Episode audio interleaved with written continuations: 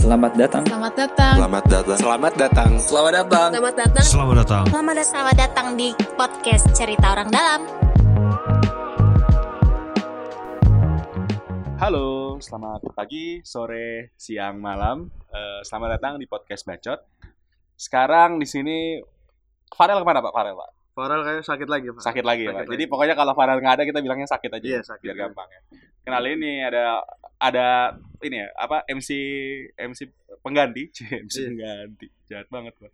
Em, di sini gua Nobi, Saya Dudit. Dudit. Nah, kita Nah. mau ngomongin apa Dit? Di Sekarang, sini kita mau ngomongin tentang RTH. Bagi yang tidak tahu, RTH itu adalah ruang terbuka akan hijau. Iya, bahas taman dan segala macam ya. Ya, Ya, ber- yang ya berkaitan dengan berkaitan. itulah semuanya. ya. Nah, di sini ada dua perempuan akhirnya ya.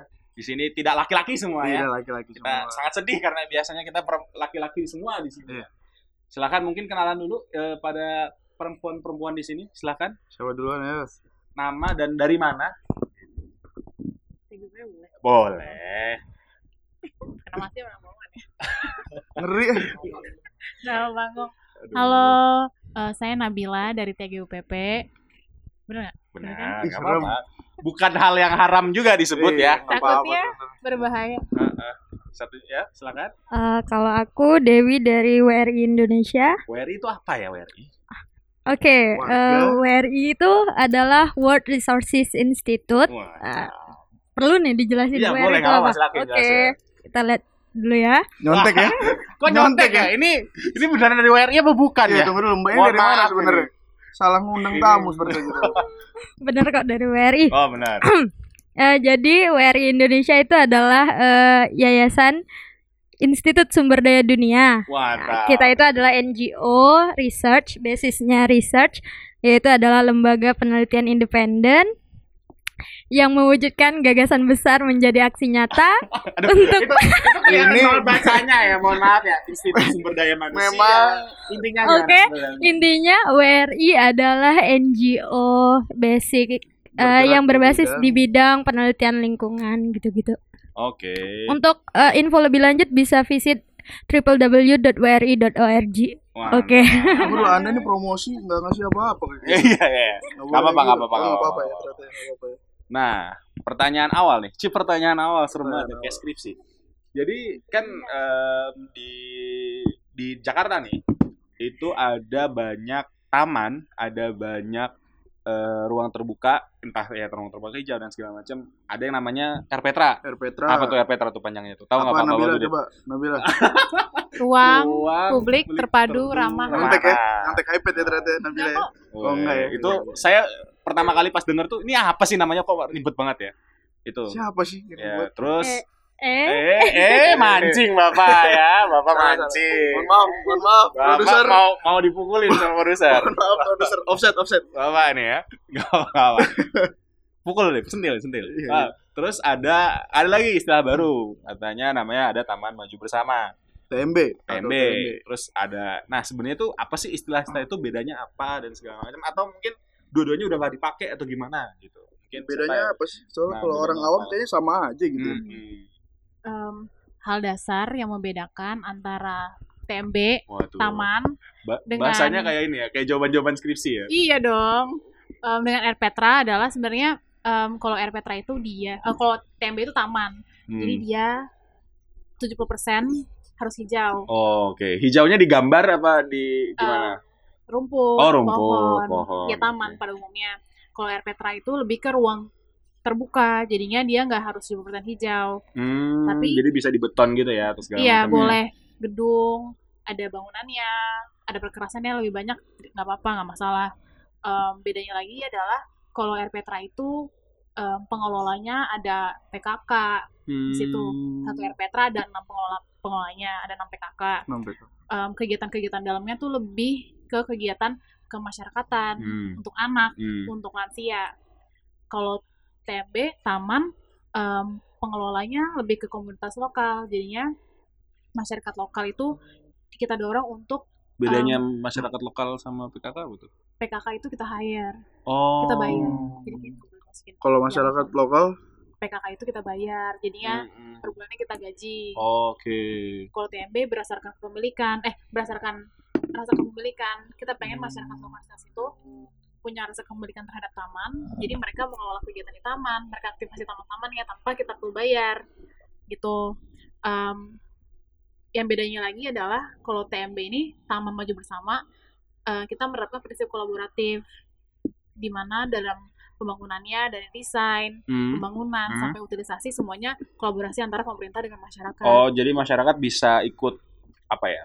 Berkontribusi dalam mendesain desain, gitu ya. pembangunan dan Iya. segala macam. Tapi kalau tadi dijelasin kan air Petra ini katanya bisa untuk ruang Hmm. anak, lansia. Tapi apakah di Taman Maju Bersama ini fungsinya ntar akan sama juga bisa untuk ramah anak, Iya, lansia bisa, dan bisa. lain-lain?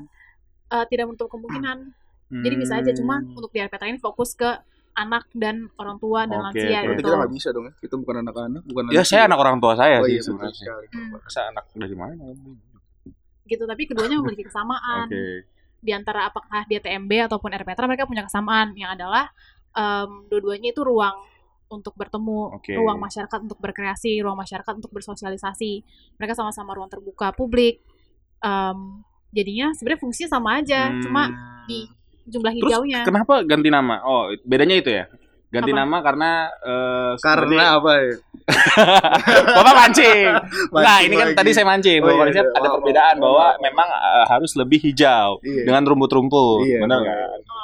kalau taman lebih mementingkan lebih mengacu ke fungsi ekologis Hmm. Untuk, eh, resapan air, penyerapan polutan udara, Hmm. memberikan Oke, oksigen. oke. Kalau air petra ya ruang aja, ruang.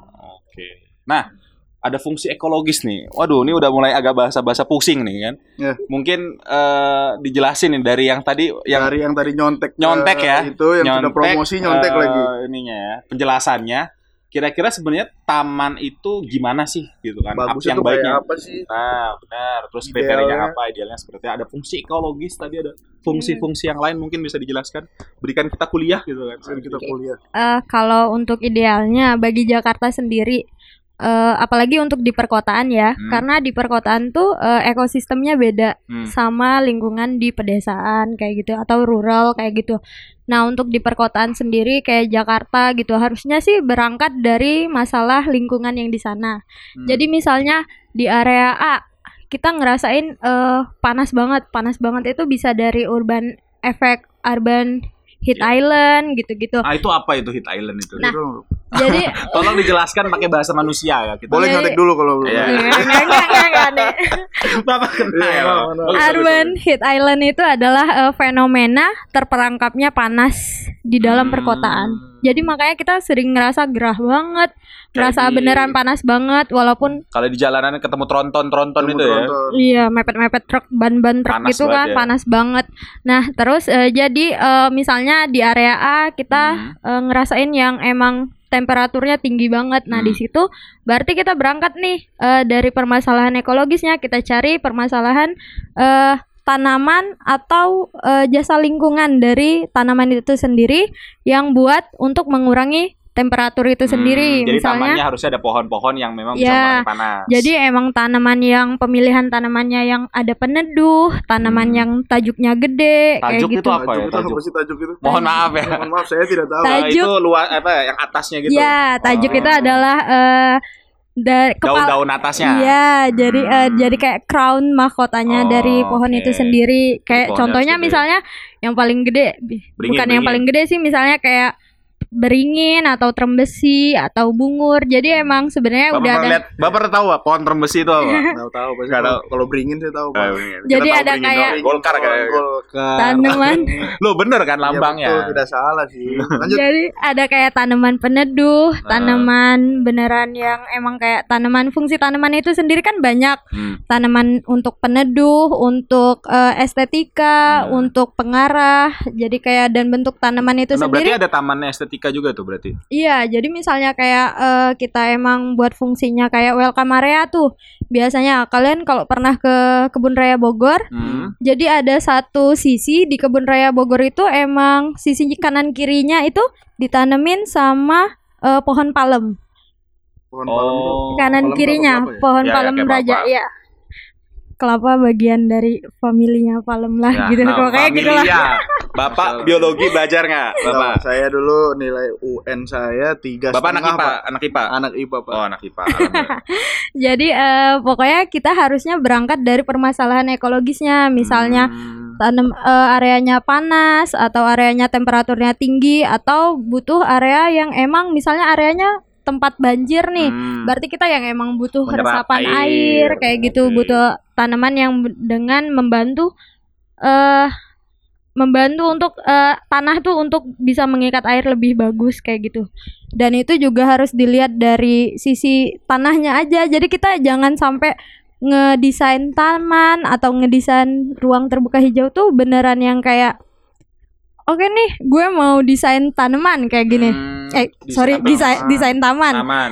ya udah desain gue taman. pengennya nanam pohon A B C D E kayak gitu Oh, tanpa tapi- tapi nggak memperhatikan tahu kondisi di sana kondisi Di sana. lingkungannya misalnya dia beneran polutannya Iya. lo ngera- bakalan ngerasain mungkin kalau lo sering ke Singapura gitu gue yakin Oh. banget anak-anak macam Saya tidak punya uang. Jauh sekali main Jadi, di Singapura. eh, eh, kalian bakal ngerasain Bapak di pinggir produser sering lah. Iya, Pak Prosedur- di pinggir produser kita- jalan.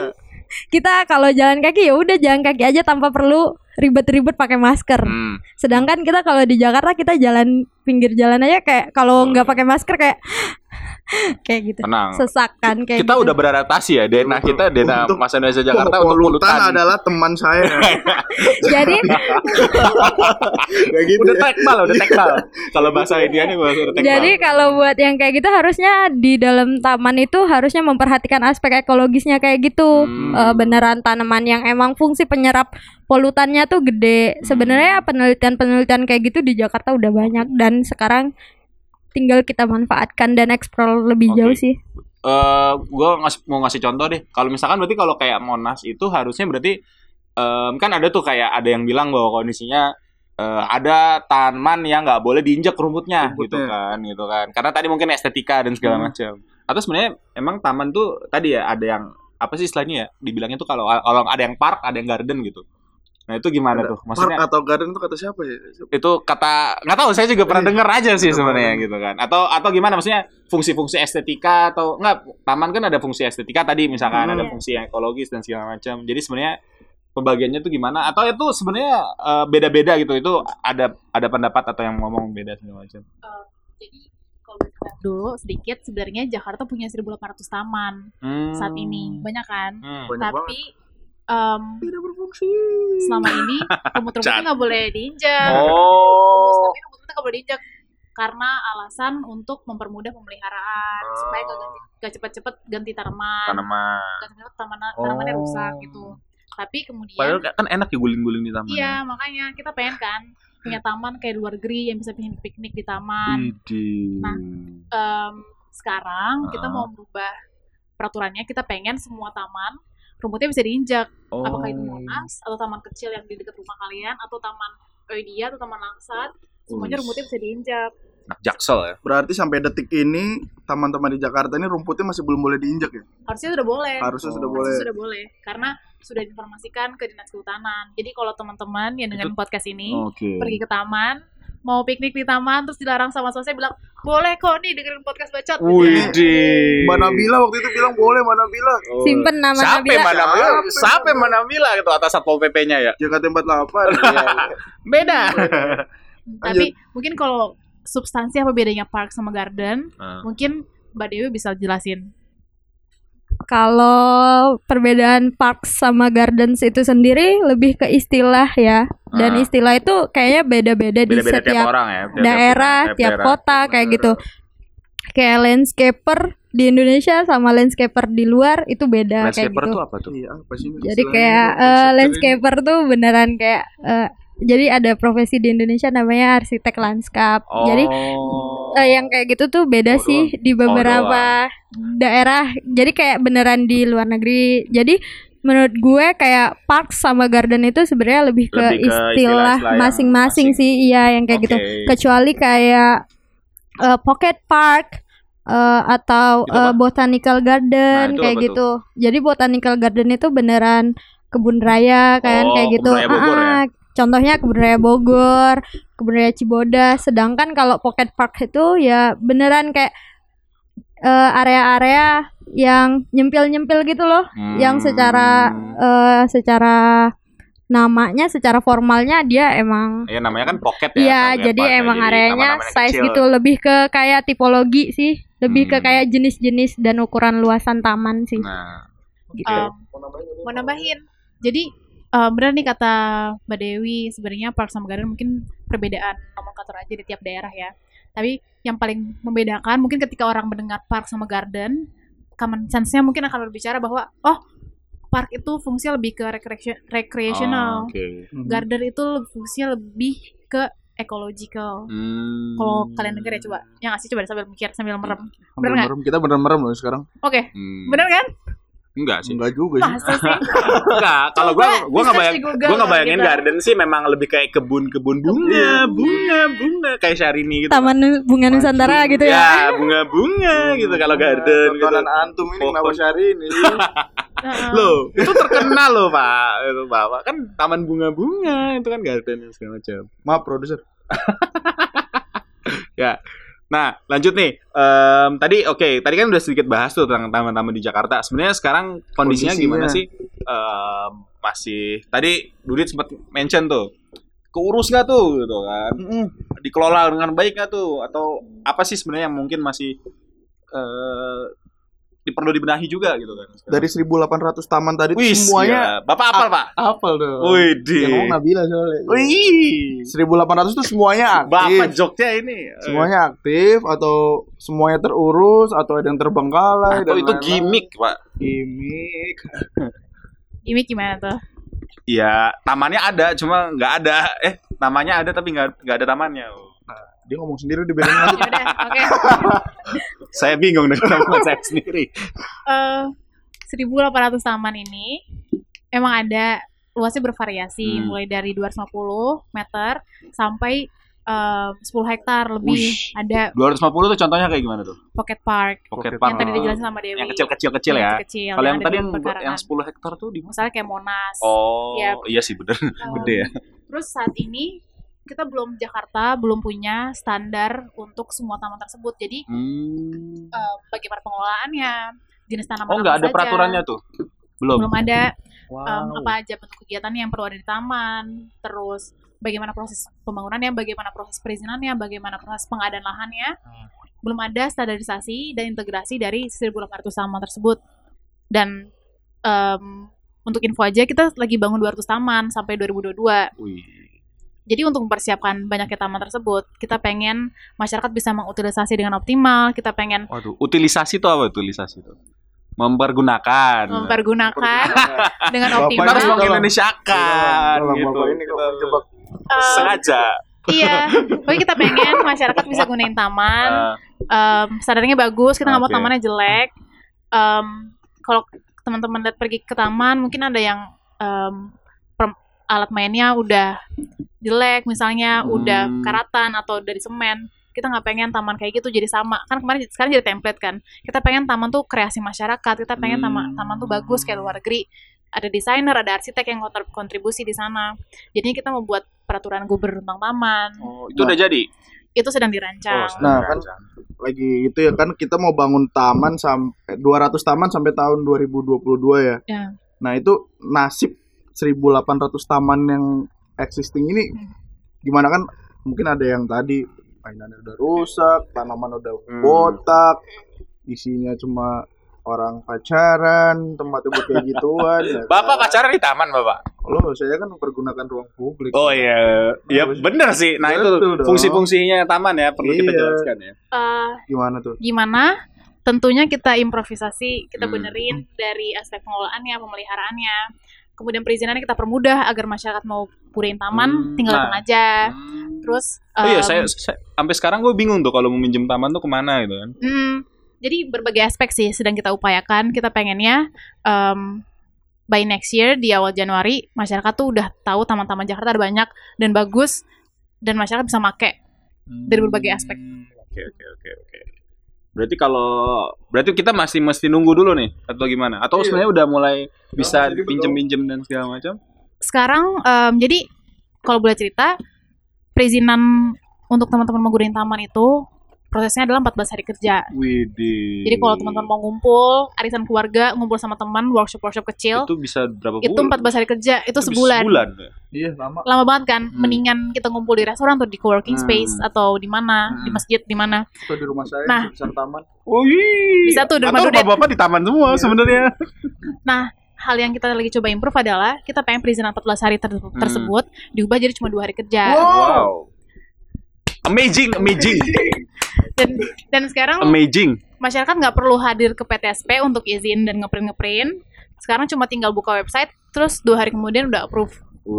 Jadi itu satu hal yang sering kita Namanya upayakan. perizinan 4.0. Uh, Semuanya harus 4.0 ya, Pak, semuanya. Baik. Semuanya harus ya. Oke. Nah, kembali lagi nih ke Mbak Mbak WRI. Nggak enak banget ya ngomongnya. Mbak Saya, saya, saya mau manggilnya dari tadi nggak enak. Kita manggil yang nyontek kan segala macam. Dewi. Mbak Dewi lah, Mbak Dewi. Punya nama, Mbak punya, punya nama. maaf, maaf, maaf, maaf, maaf. Ini kita tidak hormat sama sekali dengan narasumber ya. Deteksi tadi. Diingat terus ya sepanjang podcast. Diingat terus ya. Eh, apa ya tadi nah ini kan tadi dari sisi pemerintahnya nih kira-kira dari WRI sendiri ada yang mungkin kasih saran mungkin atau sebenarnya tadi eh, secara apa ya secara idealnya sebenarnya harusnya di Jakarta tuh ya tadi mungkin eh, taman-tamannya harusnya kayak gimana sih atau misalkan tadi 200 tadi ada 200 ya 200 sampai 2022 nah itu kira-kira bangunnya yang yang yang baik tuh kayak gimana dan segala macam mungkin ada secara sebagai sisi yang punya keilmuannya gitu atau gimana segala macam saran-saran saran-saran Iya, saran-saran. Oh, oke. iya Canda, canda. Gak apa-apa ketawa-ketawa mah di sini gak apa-apa ya. Oke, eh, jadi eh, menurut gue ya eh, harusnya Jakarta itu udah menerapkan konsep right tree at right place.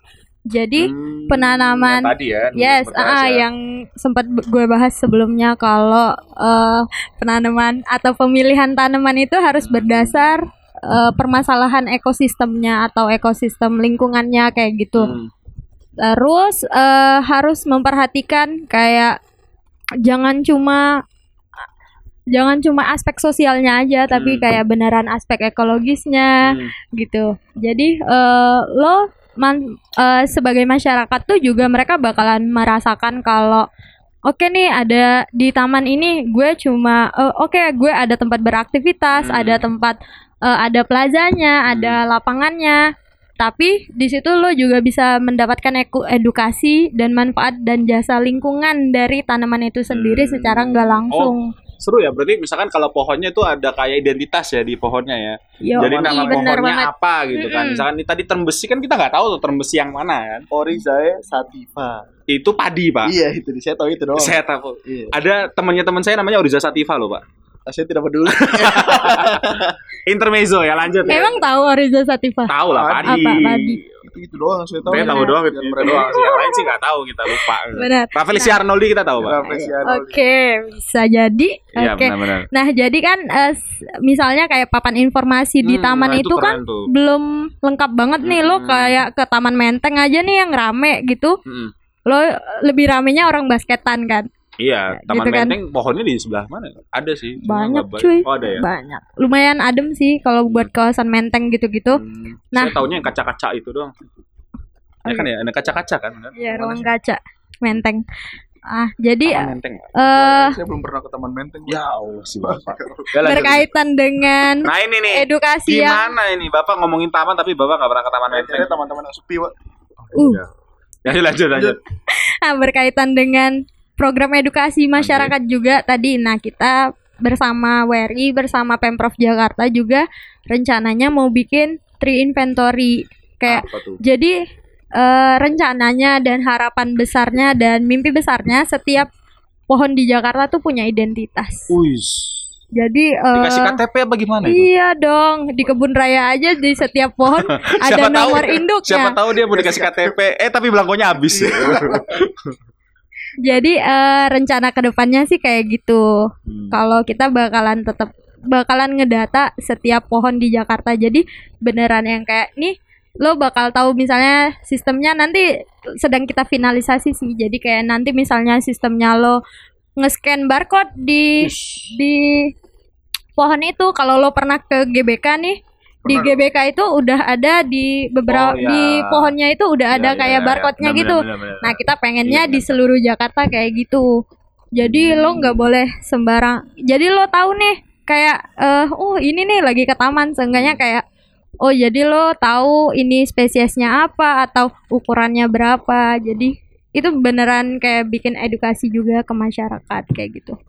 Dan harapannya ke depannya Bapak tepuk tangan apa, Pak? Saya beneran kayak di setiap pohon itu ada nilai ekosistem value-nya. Jadi Oh, kayak Oke, Bagus nih saran-saran yang baik. nih. Ah, dan itu bisa Oh, jadi manajemen database juga sih buat iya. Hmm. eh, pemerintah Jakarta Oke. Oh, nih dalam boleh pengelolaannya. boleh nanya random gak nih? Sebenarnya boleh gak sih pohon buah di taman, Pak? Boleh gak sih sebenarnya pohon buah? Nah, enggak, maksudnya secara teori-teori memungkinkan gak sih dan diperbolehkan atau enggak gak sih sebenarnya? Kalau pohon buah. pohon- Siapa tahu gue menanam penahan eh, ini nanam pohon belimbing atau pohon mangga gitu kan, pohon duren. Boleh.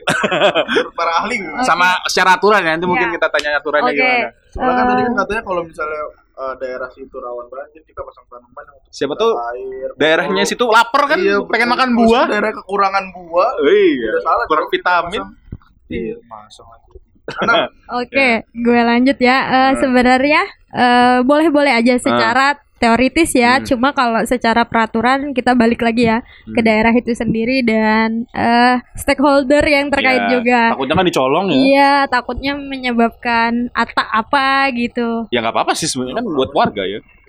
sebenarnya kalau buat tanaman buah sendiri nggak ada larangannya justru eh, tanaman buah juga punya sisi ekologis jadi jangan sangka kalau misalnya kayak eh, tanaman buah itu hasilnya ya cuma buah doang tapi mereka juga pasti nyerap polutan kayak gitu-gitu mereka jadi ada namanya co benefits gitu jadi eh, nggak cuma satu manfaat doang jadi sebenarnya boleh-boleh aja justru ada loh taman buah jadi beneran kayak harus a- eh, ada di dalam lingkungan itu jadi kayak ini plot ini buah apa, plot ini buah apa. Jadi itu juga mungkin bisa jadi pelestarian ya kalau misalnya di Jakarta punya tanaman buah asli Jakarta kayak gitu. Salak condet, Pak.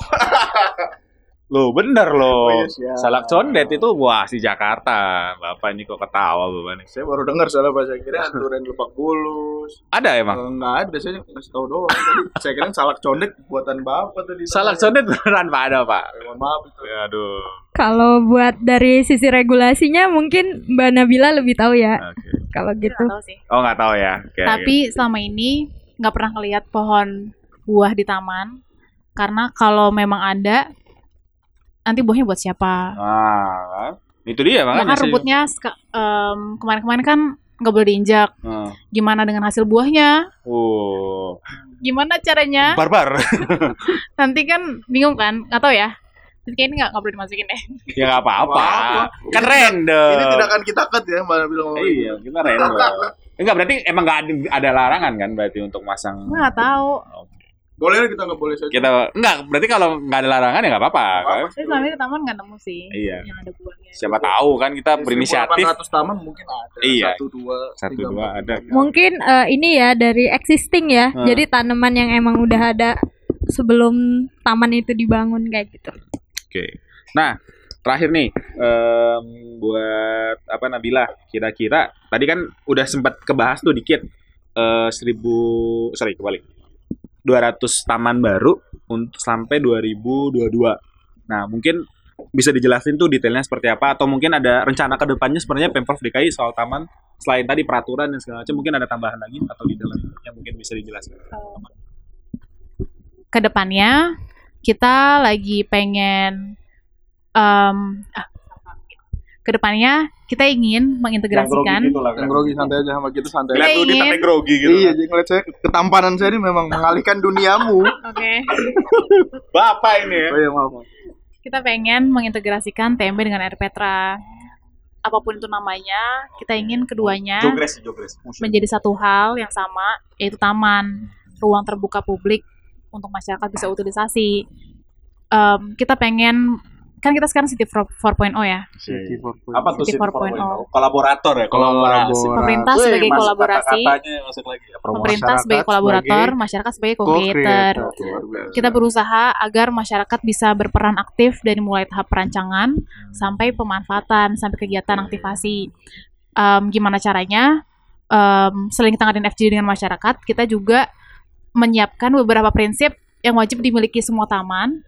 Contohnya seperti apa tuh, Dew? Perancangan baik, ada Iya. prinsip well design, ada prinsip ramah anak, ramah lansia, ramah disabilitas, ada prinsip minimum sampah di mana tiap taman harus mengelola sampahnya sendiri.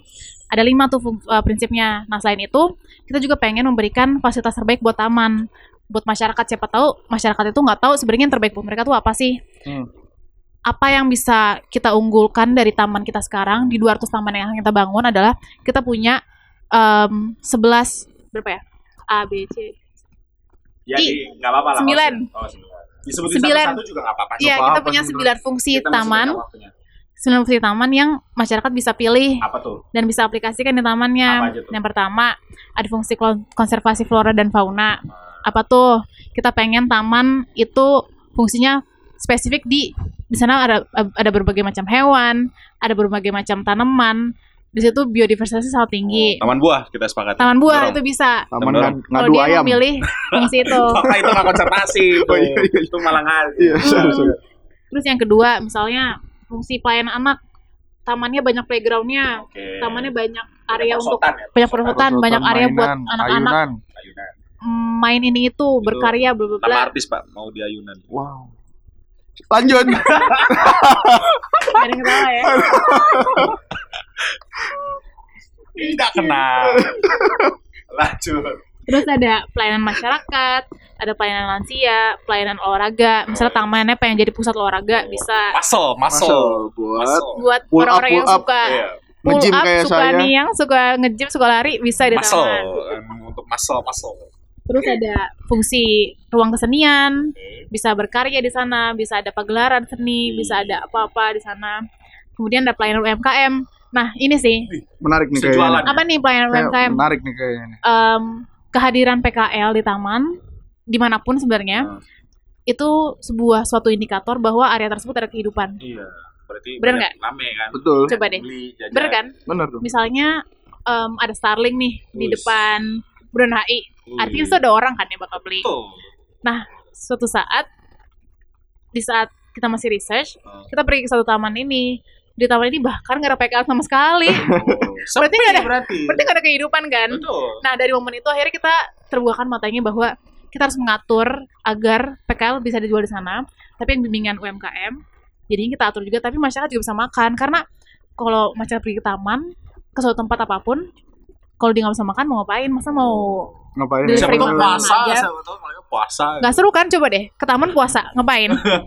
Siapa tahu mereka, Menikmati. Ngabuburit, Siapa ngabuburit, ngabuburit. ngabuburit. siapa Tahu tahu kan kan sore udah siapa main tahu enak. mereka Yang ngambil saya mau ngambil buah di di pohon. nyolong dong. Tanam ya.